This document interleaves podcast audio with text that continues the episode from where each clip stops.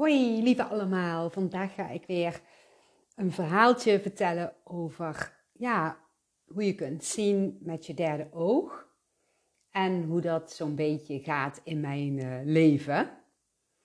Ik heb het gevoel dat door de verhalen te vertellen, ja, jullie eventueel dingen op kunnen pikken en er iets uit kunnen halen wat je ja, voor jezelf kunt gebruiken om de onzichtbare wereld wat meer zichtbaar te krijgen. En ja, ik wil ook wel even vertellen dat ik heus niet alles kan zien of zo, of kan voelen. Hè? Want uh, ja, ik ben daar ook lerende in. Ik heb natuurlijk, ja, na mijn bijna doodervaring, dat is in 2001 geweest, heb ik dit um, ja, onderzocht. Dus daar ben ik nou dan al uh, ja, weer 20 jaar ongeveer mee bezig. En door ja, uh, te onderzoeken en dingen uit te proberen, uh, kom je ja, achter steeds meer informatie en leer je ook natuurlijk steeds beter te filteren. Dat kost gewoon tijd. Maar ja, nogmaals, ik ben hier echt ook nog zelf steeds lerende in. En je kunt hierin volgens mij eindeloos in blijven ontwikkelen. En uh, ja, voor, voor mijn gevoel blijf je leren totdat je doodgaat. En dan gaat het daarna weer op een andere manier verder. Er is zoveel ja, waar je in kunt ontwikkelen. En ja, er is zoveel meer als alleen het aardse.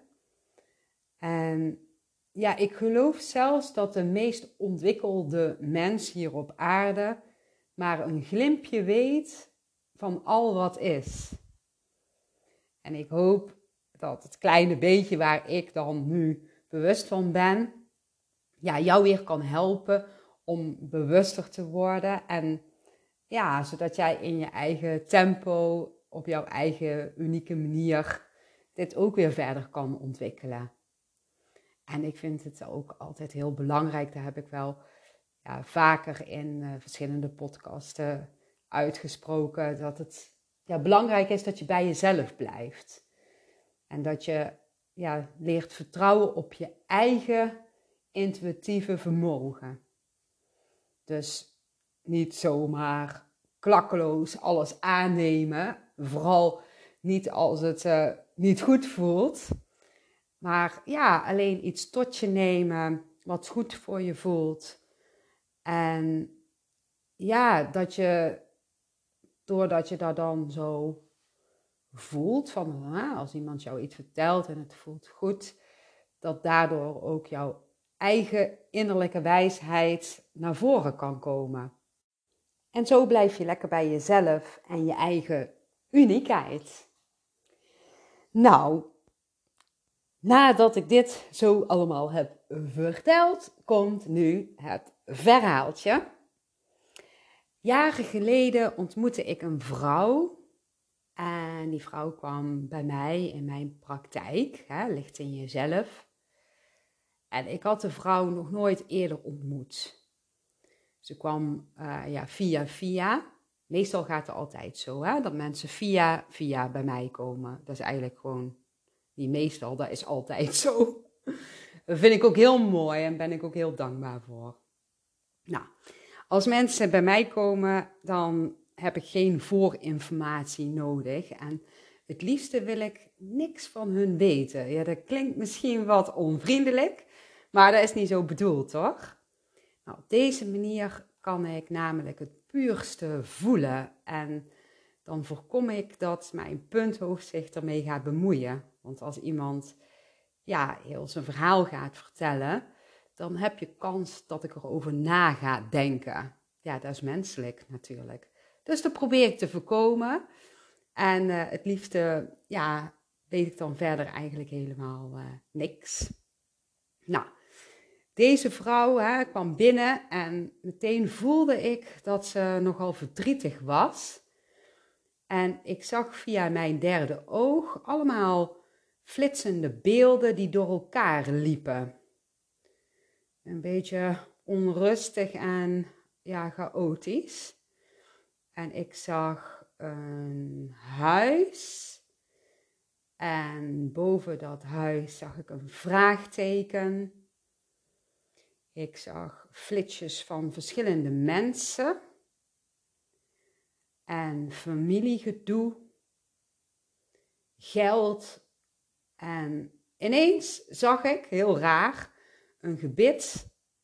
Een, ja, een, wit gebit met tanden keurig netjes op een rijtje. En daarna zag ik as van een overleden persoon. En toen ineens, toen ik dat allemaal zo, hoppakee, had gezien, dat gaat dan heel snel.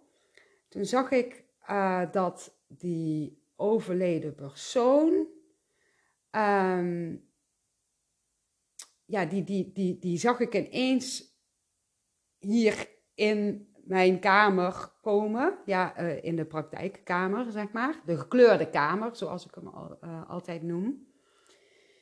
En toen liet hij mij een beeld zien, zag ik dus ook via mijn derde oog, van de vrouw die dus tegenover mij zat. Uh, en die vrouw die zag ik alleen zitten op haar bed. Uh, waarbij ik de overleden man, die, dus, die ik dus hier waarnam, uh, naast haar zag zitten op haar bed. En vrijwel meteen had ik het gevoel dat het ging om haar overleden man. En ja, ik stemde me af uh, op haar overleden man. En ja, toen ineens kreeg ik daar weer allemaal dingetjes van te voelen. En zoiets gaat echt sneller dan het geluid. Ik, ik, ja, dat, dat is echt zo raar. Dat, ja, ik weet niet hoe ik het uit moet leggen. Maar ja, de mensen hè, die dan hier komen, die dus levend zijn, kunnen jullie het nog volgen? De mensen hebben ja, niet in de gaten uh, dat ik, ja, terwijl ik tegen hè, de nog levende uh, persoon hier tegenover mij aan het praten ben, maar dat ik ook dus in een soort van ja, dubbel gesprek zit. En ja, misschien is het wel, wel interessant voor jullie om eens uit te leggen hoe zoiets gaat. Iemand komt dan bij mij en ja, in dit geval dan dus die vrouw. En zij zit dan dus voor me en dan zie ik dus ja, haar lichaam. En dat zie ik uh, met mijn aardse ogen, zo, zoals iedereen het kan zien. Als je tenminste een helder zicht hebt, want als je blind bent, dan kan je het niet zien. Uh, dan kun je het voelen. dat is ook mooi om daar een keer een podcast over te maken. Maar goed, um, ja, wat ik dus dan um, zie via mijn derde oog, is uh, dat naast het lichaam van de persoon die tegenover mij uh, zit, um, zie ik uh, daarnaast het denken, het ego staan. En het ego, het denken, de mind, of hoe je het ook wil noemen, die splits ik dan in tweeën. En dan zie ik het creatieve, inspirerende brein van iemand. En ik zie het punthoofd. Uh, in podcast 1 vertel ik daar ook meer over. En um, ik zie het in vele verschillende vormen waaruit ik uh, ja, eigenlijk vrijwel meteen kan zien wat het vertelt. En het gevoel wat ik dan daarbij voel, dat vertaal ik dan in woorden als een ja, soort van tolk. Wel een hele supersnelle tolk. ja, als ik er dan zo over nadenk. En wie had ooit gedacht dat ik een tolk zou worden? Nou, mijn leraren op school in ieder geval niet, dat weet ik zeker. Maar goed, dus aan de ene kant van het lichaam zie ik het ego en splits ik dus in tweeën. Het creatieve, inspirerende brein, die altijd goede ideeën heeft. En het punthoofd, um, ja, wat um, eigenlijk een soort van beschadigd kind is. Um, aan de andere kant van uh, dezelfde persoon uh, die voor me zit, zie ik de ziel.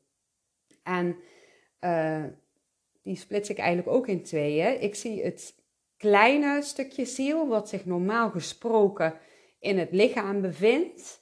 En die plaats ik dan even buiten het lichaam. En ik zie dan dus ook uh, het grotere deel ziel. En het grotere deel ziel, dat bevindt zich in de bron, waar iedereen dus vandaan komt. En waar iedereen ook weer naartoe gaat als die uh, ja, terugkeert naar het hiernamaals.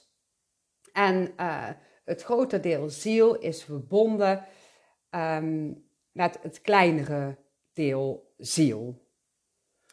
Het kleinere deel ziel vertelt over uh, de uitgekozen zielsplanning wat betreft het aardse leven van de persoon. En uh, even voor de duidelijkheid, ik kan niet bij alle informatie komen, alleen wat ja, van toepassing is voor het nu. Het proces waar die persoon dan in zit en ook wel een beetje naartoe gaat. En bij de een kan ik uh, heel veel info hierover krijgen en bij de ander weer ietsjes minder. Dat is ook altijd verschillend. Soms krijg ik ook wel eens toekomstbeelden te zien. Uh, alleen vertel ik daar niet over, omdat ik echt niemand wil beïnvloeden. Wel kan ik een bepaalde richting um, of verschillende richtingen geven, zodat je op je eigen gevoel uh, de richting bepaalt. Ik vind het namelijk echt heel belangrijk dat iemand ja, zelf de verantwoordelijkheid neemt met de keuzes die hij of zij maakt. En elke keuze is uh, ja, de juiste. Er bestaan helemaal geen verkeerde keuzes. En ook daar ga ik nog wel een keer een podcast over maken. Ja, het universum geeft je namelijk altijd de juiste richting, zowel onbewust als bewust. Alleen ja, hebben heel veel mensen dat niet in de gaten en die willen dan um, ja, de controle pakken met het punthoofddenken. Nou, het grote deel ziel van iemand vertelt iets uitgebreider over uh, de zielsplanning, maar ook over vorige levens en al wat verbonden is met uh, ja, jouw planning hier op deze aarde. En ook hier telt dat ik alleen maar kan vertellen ja, wat voor het nu van toepassing is. En ja, dan heb je ook nog de energie die afkomstig is uit de bron, die zich in verschillende vormen manifesteert. Um, zoals bijvoorbeeld gidsen, um, ja, engelachtige energie, laten we het zo maar noemen. Um, ja, kleuren, licht en overleden mensen. Ja, overleden mensen is ook oh, zo mooi om dat te voelen. En daar heb ik zoveel van geleerd. Maar goed, het is altijd uh, ja, heel verschillend wat ze duidelijk willen maken aan de persoon die tegenover mij zit. Ja, dat is echt ja, elke keer weer zo anders. Ja, want iedereen is uniek. Dus ja, krijg je voor iedereen ook weer andere informatie. En omdat iedereen uh, uh, ja, uniek is en ik, en ik dus de, uh, steeds weer andere informatie doorkrijg, is het voor mij ook echt super leerzaam. Maar goed, laten we weer even terugkomen op de vrouw die tegenover mij zit in de praktijk. Ik zie dan dus van alles en voel van alles. En ik voel ja, dus haar verdriet en haar punthoofd is in de war. En ja, maakte heel veel zorg en piekergedachten aan, waardoor ze in een soort van visieuze cirkel terecht is gekomen. Dat is wat ik uh, ja, voel van het punthoofd uh, denken. En haar creatieve, inspirerende brein, die ligt gewoon te slapen. Die komt eigenlijk niet aan bod in dit verhaal. Nou, um, dan heb je dus het kleiner deel ziel aan de andere kant naast haar. En die wil verbinding maken met de vrouw. En uh, vertelt haar uh, dat in het proces waar ze nu ja, in zit, rust, zelfliefde en duidelijkheid nodig is. En de vrouw, daar, zie ik dan dus, hè, dat de vrouw deze energieintentie, die dus ja, haar kleiner deel ziel uitstraalt, niet bewust kan oppikken, omdat ze in een hele sterke emotie van verdriet zit en het punthoofddenken extra zorg en piekergedachten aanmaakt. En het is dus de bedoeling, dat voel ik, hè, dat is dan ja, wat ik haar mee wil geven, dat ik hier uh, van dit alles haar een beetje bewust uh, maak. Zodat ze begrijpt wat er ja, aan de hand is en daardoor uit die uh, ja, visieuze cirkel wat meer kan stappen. In haar eigen tempo dan. Nou, het grote deel ziel van de vrouw laat me zien dat haar man net is overleden. En dat, dat de planning voor de vrouw is rust, orde, grenzen stellen um, kiezen voor haarzelf om uiteindelijk in haar kracht te komen, zodat haar verdriet wordt verzacht. Het grote deel ziel laat me zien dat alles met een reden gebeurt. En ik zie dat de dood van haar man um, ja, een omkeer gaat maken voor de vrouw, waardoor dat de vrouw oude patronen kan gaan doorbreken en zo weer meer tot haar gevoel gaat komen. En ja, het lijkt erop dat de vrouw ehm, ja, een, hele omkeer gaat maken en dat dat haar ook echt een heel nieuw leven gaat geven. En dat voelt heel positief en heel mooi. Hoewel er nog wel een weg is te gaan ja, om uh, ja, daarin goed door te kunnen pakken. Um, ja, het grote deel ziel laat me zien ehm, dat ze ook nieuwe verbindingen aan wil gaan met andere personen en ook met andere situaties. En ik krijg dan ineens een beeld te zien van een hele liefdevolle persoon die ze nog gaat ontmoeten, waar ik op dat moment echt helemaal niet over kan spreken. Daar voel ik ook omdat ze daar totaal ja, nog niet aan toe is. En zoals het er nu uitziet, gaat het zelfs dus om een uh, ja, nieuwe relatie. Want ik zie meteen daarna symbolisch een ring. En die ring die staat voor ja, verbinding, voor relatie. Um, ja, dus uh, de ommekeer gaat ge, uh, gepaard zoals ik het zie bij de vrouw, uh, met sommige personen in haar leven ja, loskoppelen om plaats te maken voor nieuwe mensen die beter bij haar energie passen. En ja, dat stuk hoort dan ook weer bij een oud patroon doorbreken. En ik zie hoe het punthoofd tegen de vrouw schreeuwt. Ja, die, uh, die vindt er allemaal niks. En uh, die zegt dan eigenlijk van uh, nee, niet nog meer veranderingen en, en verlies. En je kunt uh, dat allemaal niet maken ten opzichte van anderen. En het punthoofd ziet er echt heel wanhopig en angstig uit. En ik zie ja, hoe haar punthoofdgedachten invloed hebben ja, op de vrouw. En, en ja, dat dat heel heftig voor haar is. En dan ineens ja, dus dit, dit alles is wat ik voel in echt een paar seconden. En dan ineens zucht de vrouw heel diep, terwijl ik dus nog helemaal niks heb gezegd hierover. Maar onbewust voelt zij wel al de energie uh, van dit verhaal. Dat, kan ik dan ook weer zien in kleur. Uh, ja, ze, ze zucht en, en ik voel een hele zware druk op haar keelchakra. Omdat ze moeite heeft met ja, het durven uitspreken wat ze echt vanuit haar hart wil. En dan vertel ik haar in het kort wat ik net heb uh, ja, gezien en gevoeld. En uh, ja, de tranen rollen dan over haar wang. Dat is echt, uh, ja, het raakt haar heel erg. Dat zie ik ook. En ik geef haar ja, een zakdoekje. En ehm, vertel haar dat ik een overleden man voel. En meteen begint ze dan ja, nog wel wat harder te huilen. En ik stuur haar, ja, zonder dat ze het in de gaten heeft, stuur ik haar energie, zodat ze ja, iets rustiger wordt.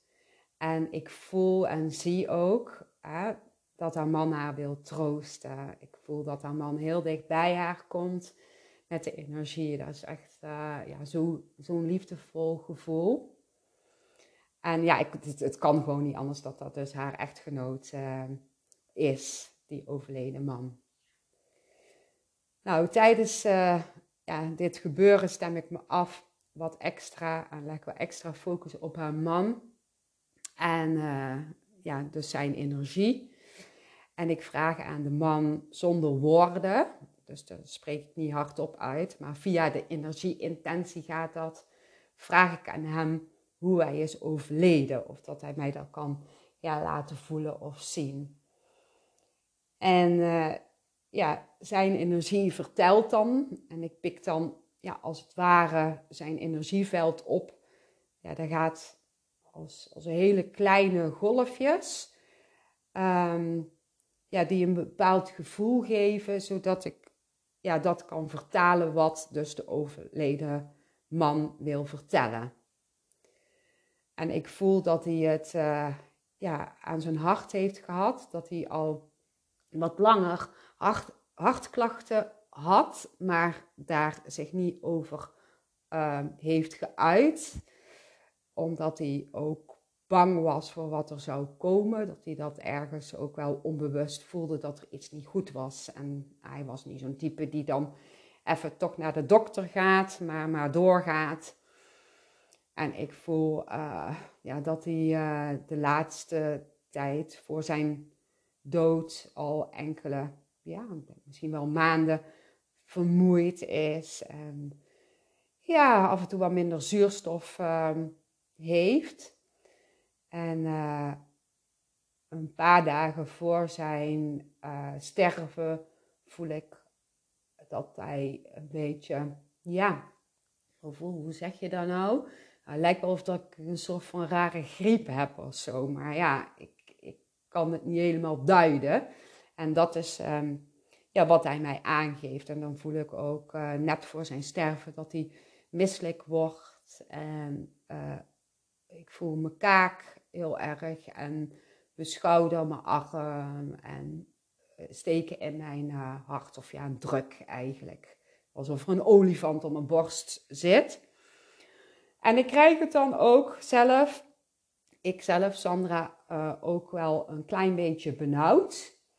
En dan weet ik ook gewoon wel genoeg. Dan weet ik voor mijn gevoel, want ik heb het al zo vaak gevoeld, dat dat dan ja, klopt. En um, als dat voor mij dan, ja, is daar dan een soort van bevestiging en dan verdwijnt ook meteen de benauwdheid. En vooral als ik dan de vrouw ga vertellen wat ik dus zie, dan um, voel ik meteen ook helemaal rust. En um, worden die beelden ook, ja, die vervagen dan en die gaan dan weg. En dan laat hij mij weer voelen, hè, de overleden man, hoe die zich nu voelt. En dan voel ik een bevrijd gevoel. En dat de zwaarte van hem af is gegleden tijdens zijn sterven. Nou, um, dus dat heb ik dan allemaal verteld tegen die vrouw. En uh, ja, die vrouw, vrouw bevestigt dat, dat dat klopt. Dus dat is heel fijn. en dan leg ik opnieuw focus op haar overleden man.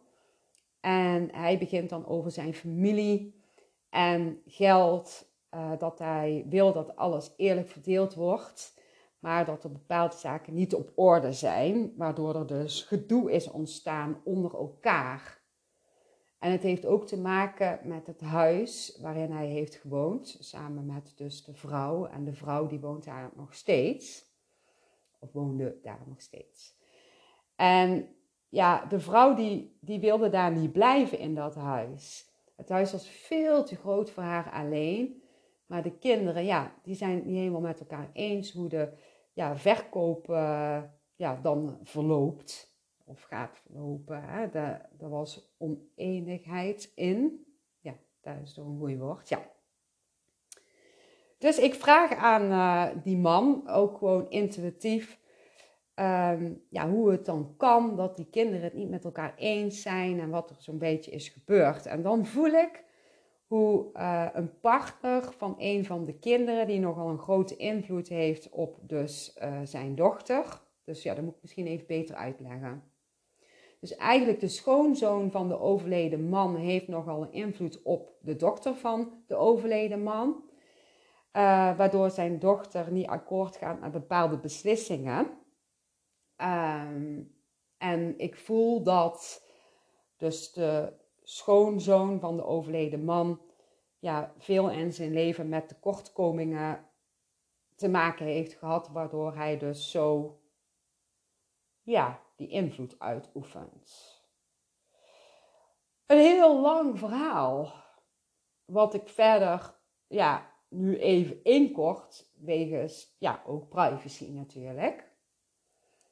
Al met al uh, weet ik in ieder geval wel op dat moment um, dat ik nog wel even als tolk zal functioneren om uh, ja, dat dit verhaal echt niet zomaar in 1, 2, 3 hoppakee is op te lossen.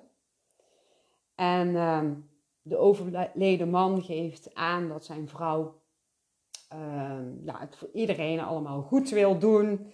Maar dat het op deze manier echt zo ten koste gaat van haarzelf. En ja, dat het daardoor met haar ook niet goed gaat. En hij wil heel graag dat het, uh, dat het goed gaat met haar. En hij geeft ook aan dat het in hun huwelijk um, ja, ook zo was dat de vrouw zich aanpaste aan hem. En dan vertelt hij ook dat het hem spijt. En dat geef ik dan allemaal weer door aan de vrouw die tegenover mij zit. En toen hij ja, nog leefde, was hij dus zich er totaal niet van bewust dat dat zo gebeurde. Hè? Dat uh, die vrouw dus heel veel aanpaste en dat dat voor ook best wel lastig was. Maar ja, nu hij in het hiernamaals um, ja, zit, dan ben je ja, alwetend. Dan weet je ineens precies hoe alles zit. En dan voel je ook uh, ja, waarom die dingen dan gebeuren. En dan voel je ook wat het heeft gedaan dus met die vrouw. En um, even kijken hoor, waar ben ik gebleven? Nou, ik kijk naar de ziel van de vrouw. Terwijl ik nog steeds in contact ben, met uh, haar overleden man. En ja, ik, ik voel zeg maar dat wat die overleden man door heeft gegeven net aan mij, dat, uh, dat klopt met uh, de zielsplanning van haar. Wat een verhaal, hè? ik probeer het echt zo goed mogelijk uit te leggen hoor. Nou, de tijd is aangebroken dat de vrouw die tegenover mij zit um, in een proces is waarbij het patroon, of meerdere patronen die in haar systeem zitten, en het patroon, het aanpassen bijvoorbeeld van anderen, uh, en angst wat anderen van haar vinden, een stukje losser gaat koppelen. Uh, zodat ze wat meer voor haarzelf op gaat komen en dat het met haar wat beter zal gaan. En ja, het, het, het gaat allemaal zo snel hoe je dit voelt. Daar wil ik nog wel eventjes op terugkomen. En het voelt ook alsof er geen tijd bestaat als ik hier zo mee bezig ben. Dat is echt zo mooi. Nou, de overleden man uh, zegt dan ineens tegen mij, ja, met de energieintentie, uh, zou je nog wel heel eventjes willen vertellen, hè, dus tegen de uh, levende vrouw tegenover mij, dat ik geen ehm, eh, pijn heb gehad tijdens het sterven. En uh, ja, ik, ik voel als ik dat vertel tegen die vrouw dat dat, dat voor haar heel erg opluchtend is. Want dat ze daar ook wel heel erg over gaat nadenken is geweest. En dan voel ik ook wel dat het die vrouw dan ook rust geeft. En uh, ja, dan laat de man mij exact uh, voelen uh, ja, hoe hij uh, ja, uh, moet ik nou zeggen? Um, op het moment zeg maar, dat hij uit zijn lichaam gaat, dus dat het kleinere stukje ziel het lichaam gaat verlaten, zie ik, dus zie ik dan ook weer met mijn derde oog, hoe hij in het licht stapt. Dat is zo mooi altijd. En dan ineens zie ik dat hij zijn overleden moeder uh, ziet staan. En dan stem ik weer, weer af op uh, de energie van zijn overleden moeder. En dan voel ik een hele lieve vrouw, die er altijd ook voor anderen was. En ze had daar echt een heel lang ziektebed gehad. En de vrouw tegenover mij, die uh, in leven is hier, uh, die had haar dus heel intensief verzorgd. En ja, de overleden vrouw, dus de moeder van de overleden man, kunnen jullie het nog volgen? die liet me ja, heel intens voelen de dankbaarheid um, ja, naar de levende vrouw tegenover mij. Want ja, hè, zij was zo dankbaar dat de vrouw um, ja, haar zo intensief had verzorgd. En ik vertelde dat aan, uh, aan de vrouw en ja, toen kwamen weer traantjes. En toen ineens liet de overleden man, echt uit het niets gewoon, mij tanden zien. En, en toen lachte hij naar mij. En hij zei tegen mij, dat was echt voor mij bedoeld, ben jij bang voor de tandarts? En ik zeg intuïtief tegen hem, gadverdamme, laat het even alsjeblieft over iets anders hebben. Ja, ik had tandartsvrees. En niet zo'n beetje ook. Nadat ik mijn eigen vertrouwde tandarts ehm, jaren had. En ja, dat die ineens dus een hartaanval, die had dus ineens een hartaanval gekregen, mijn eigen vertrouwde tandarts. En die kon niet meer werken. En daardoor kreeg ik steeds allemaal verschillende tandartsen. En ja, op zich vond ik dat geen probleem. Tot ik op een gegeven moment een uh, ontsteking kreeg aan een kies. En ik had nog altijd niet een uh, vaste tandarts.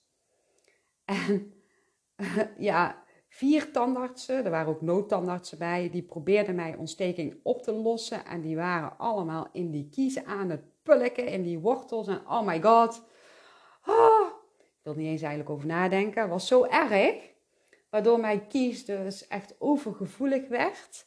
En de ontsteking alleen maar ja, uitbreidde en groter werd. En op een gegeven moment zat het in, gewoon in heel mijn kaak. En ja, uiteindelijk, om een lang verhaal kort te maken, belandde, belandde ik in het ziekenhuis.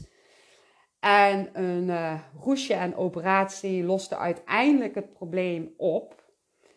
Maar uh, ja, het vertrouwen in de tandarts was nul of beneden nul.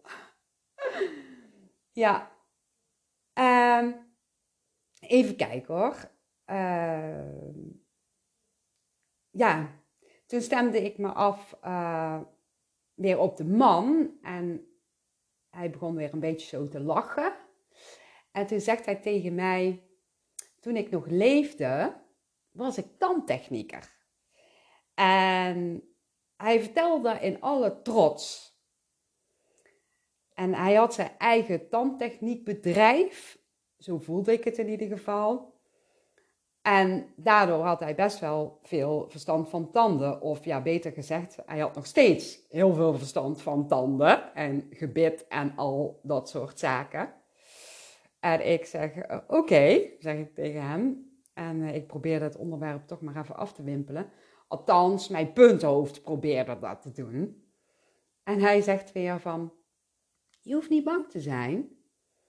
En uh, ik zuchtte een beetje en ik denk in mijn eigen, godsamme, ik kan ook helemaal niks verbergen.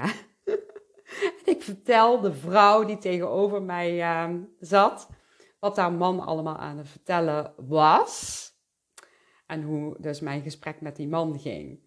En toen moest ze heel erg lachen. En toen zegt ze van, uh, ja, toen hij uh, nog leefde, leefde hij echt voor zijn werk. En hij was dus echt tandtechnieker. En ja, dat vond hij gewoon super leuk om, uh, om te doen. En hij was ook wel een type die ja, heel graag anderen ja, hielp.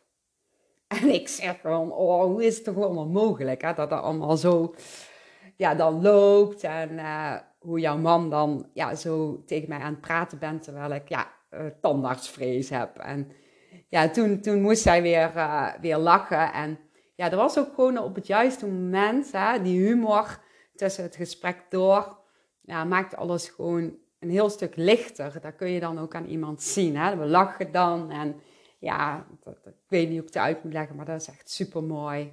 Ja, zo gaat dat. Ja. En daarna dan, ja, dan ga ik weer uh, door en dan uh, geef ik dus uh, door wat de man verder vertelt, hè, de overleden man aan de vrouw.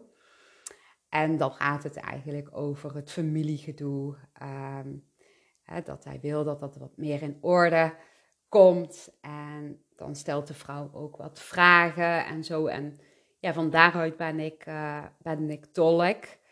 En uh, kijken we dan samen hoe het familiegedoe wat rustiger kan worden.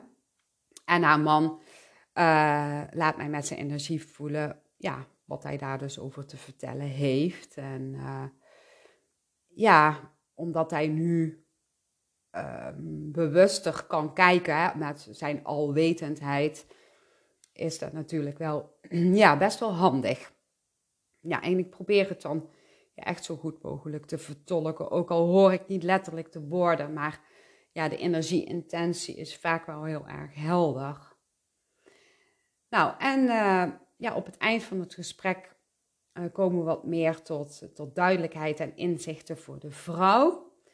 Um, ja, ook vertelde ik voorzichtig wat haar intuïtie, haar ziel dus al had laten voelen.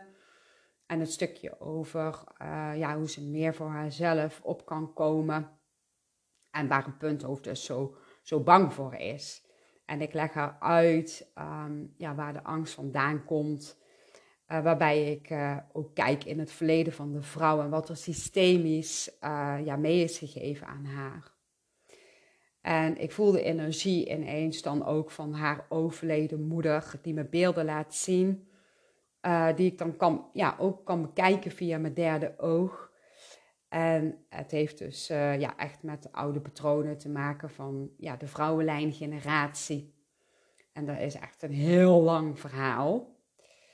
Um, maar goed, tot slot geef ik de vrouw ja, nog wat tips um, hoe ze duidelijker over kan komen naar anderen. En uh, dan toch ook wel in liefde kan blijven. En ja, ik voel dan dat het nog echt wel een vervolg zou gaan hebben. Uh, maar voor nu was het gesprek ja, meer als genoeg geweest. Ja, en stapje voor stapje is echt vaak de beste manier. Het liefste willen ja, de meeste mensen, niet die vrouwen hoor, maar de meeste mensen willen wel ja, altijd het liefste meteen opgelost hebben. En ook merk ik dat, um, dat mensen die bijvoorbeeld andere hulp willen verlenen, natuurlijk ook heel graag willen dat de ellende zo snel mogelijk voorbij is. En toch is het vaak een proces wat je niet af kunt dwingen.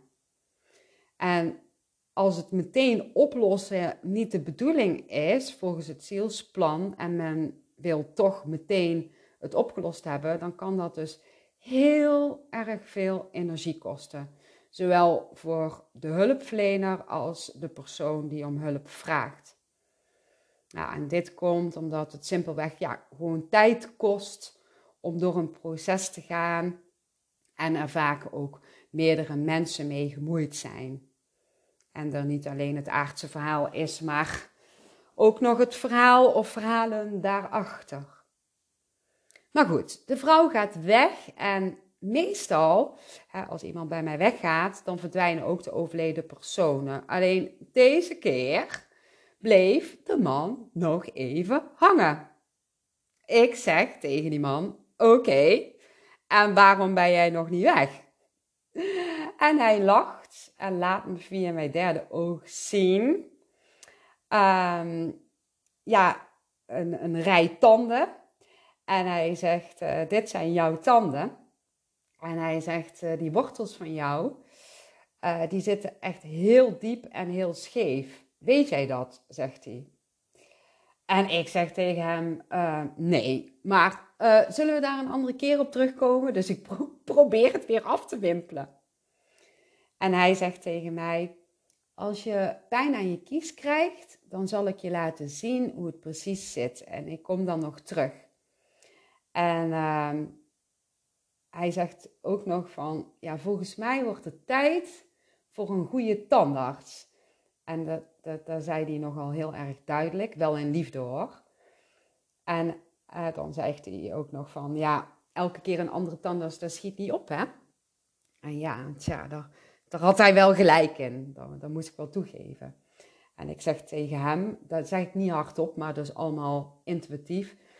Ik zeg, um, nou, ik ga vandaag eens even kijken welke tandarts dan goed is voor mij. Goed, zei ik zo tegen hem.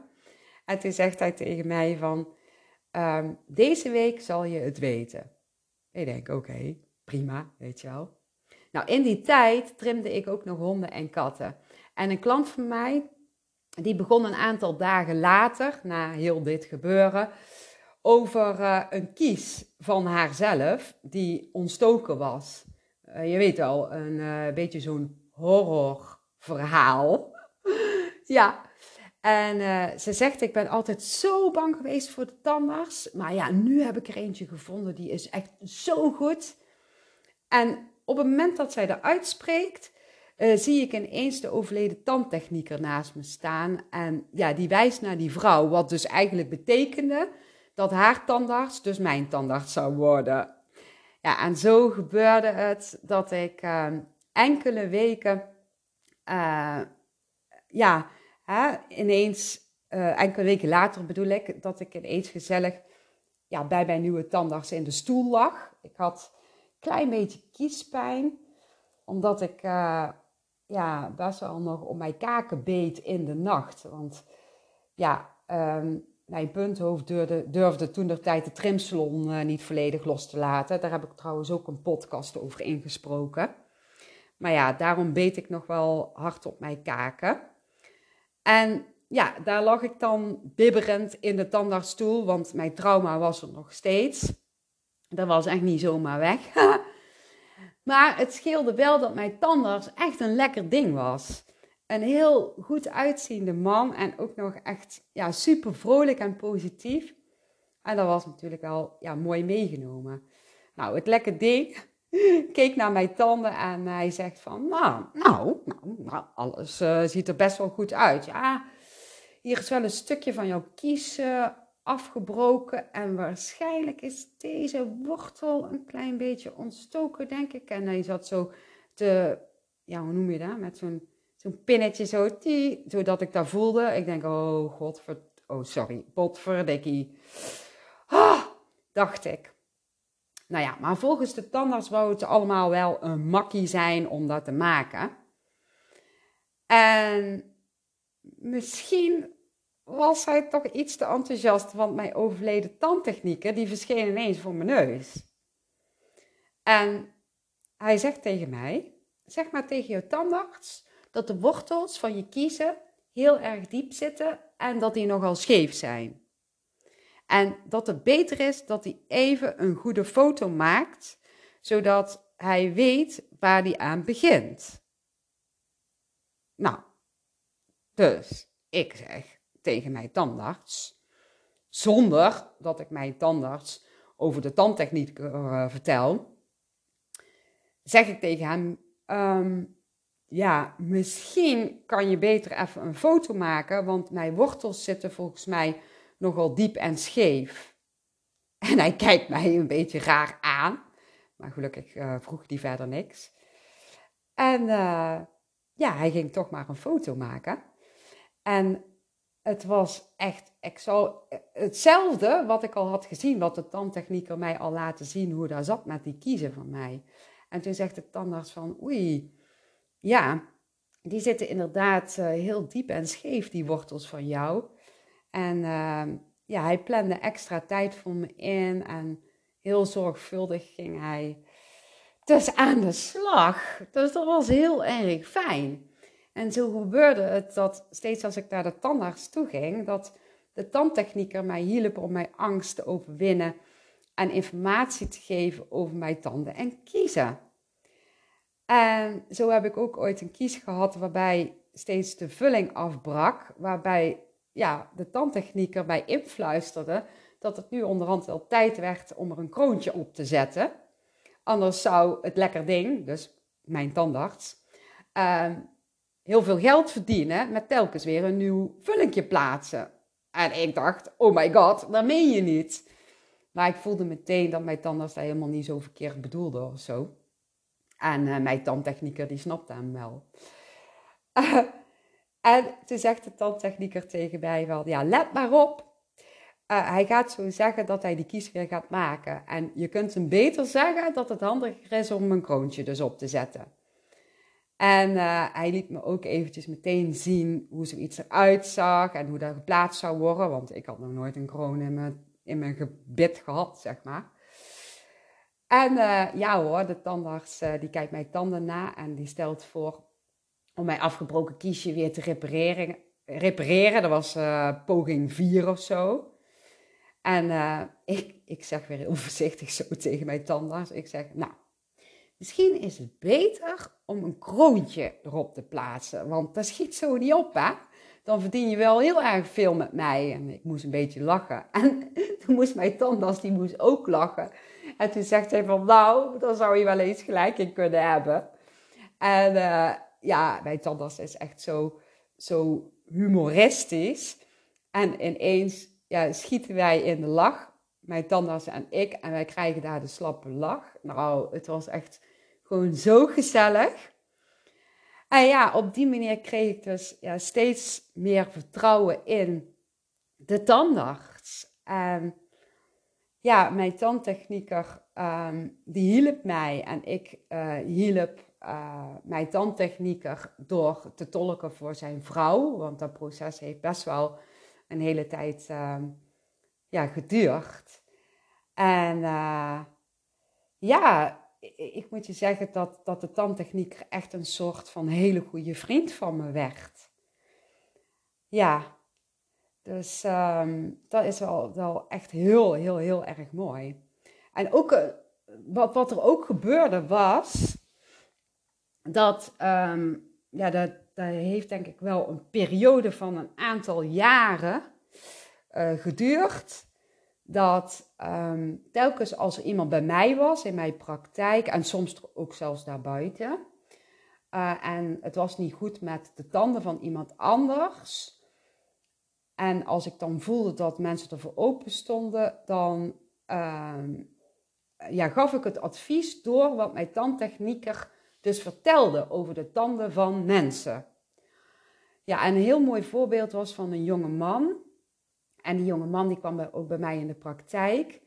En uh, ja, ik was voor hem dingen aan het doorgeven. En toen ineens, toen zag ik een foto, een foto, uh, zo'n röntgenfoto van uh, ja, zijn, zijn tanden en zijn kaak. En toen zeg ik tegen hem, ik zeg volgens mij is het de bedoeling dat je echt naar de tandarts gaat of misschien zelfs wel de kaakchirurg. Want ik zie hier zo via mijn derde oog een soort van röntgenfoto laat een tandtechnieker mij zien. Als ik zo'n beetje dat verhaal in het kort uit aan het leggen. Dat ik af en toe een tandtechnieker bij me heb als overleden persoon.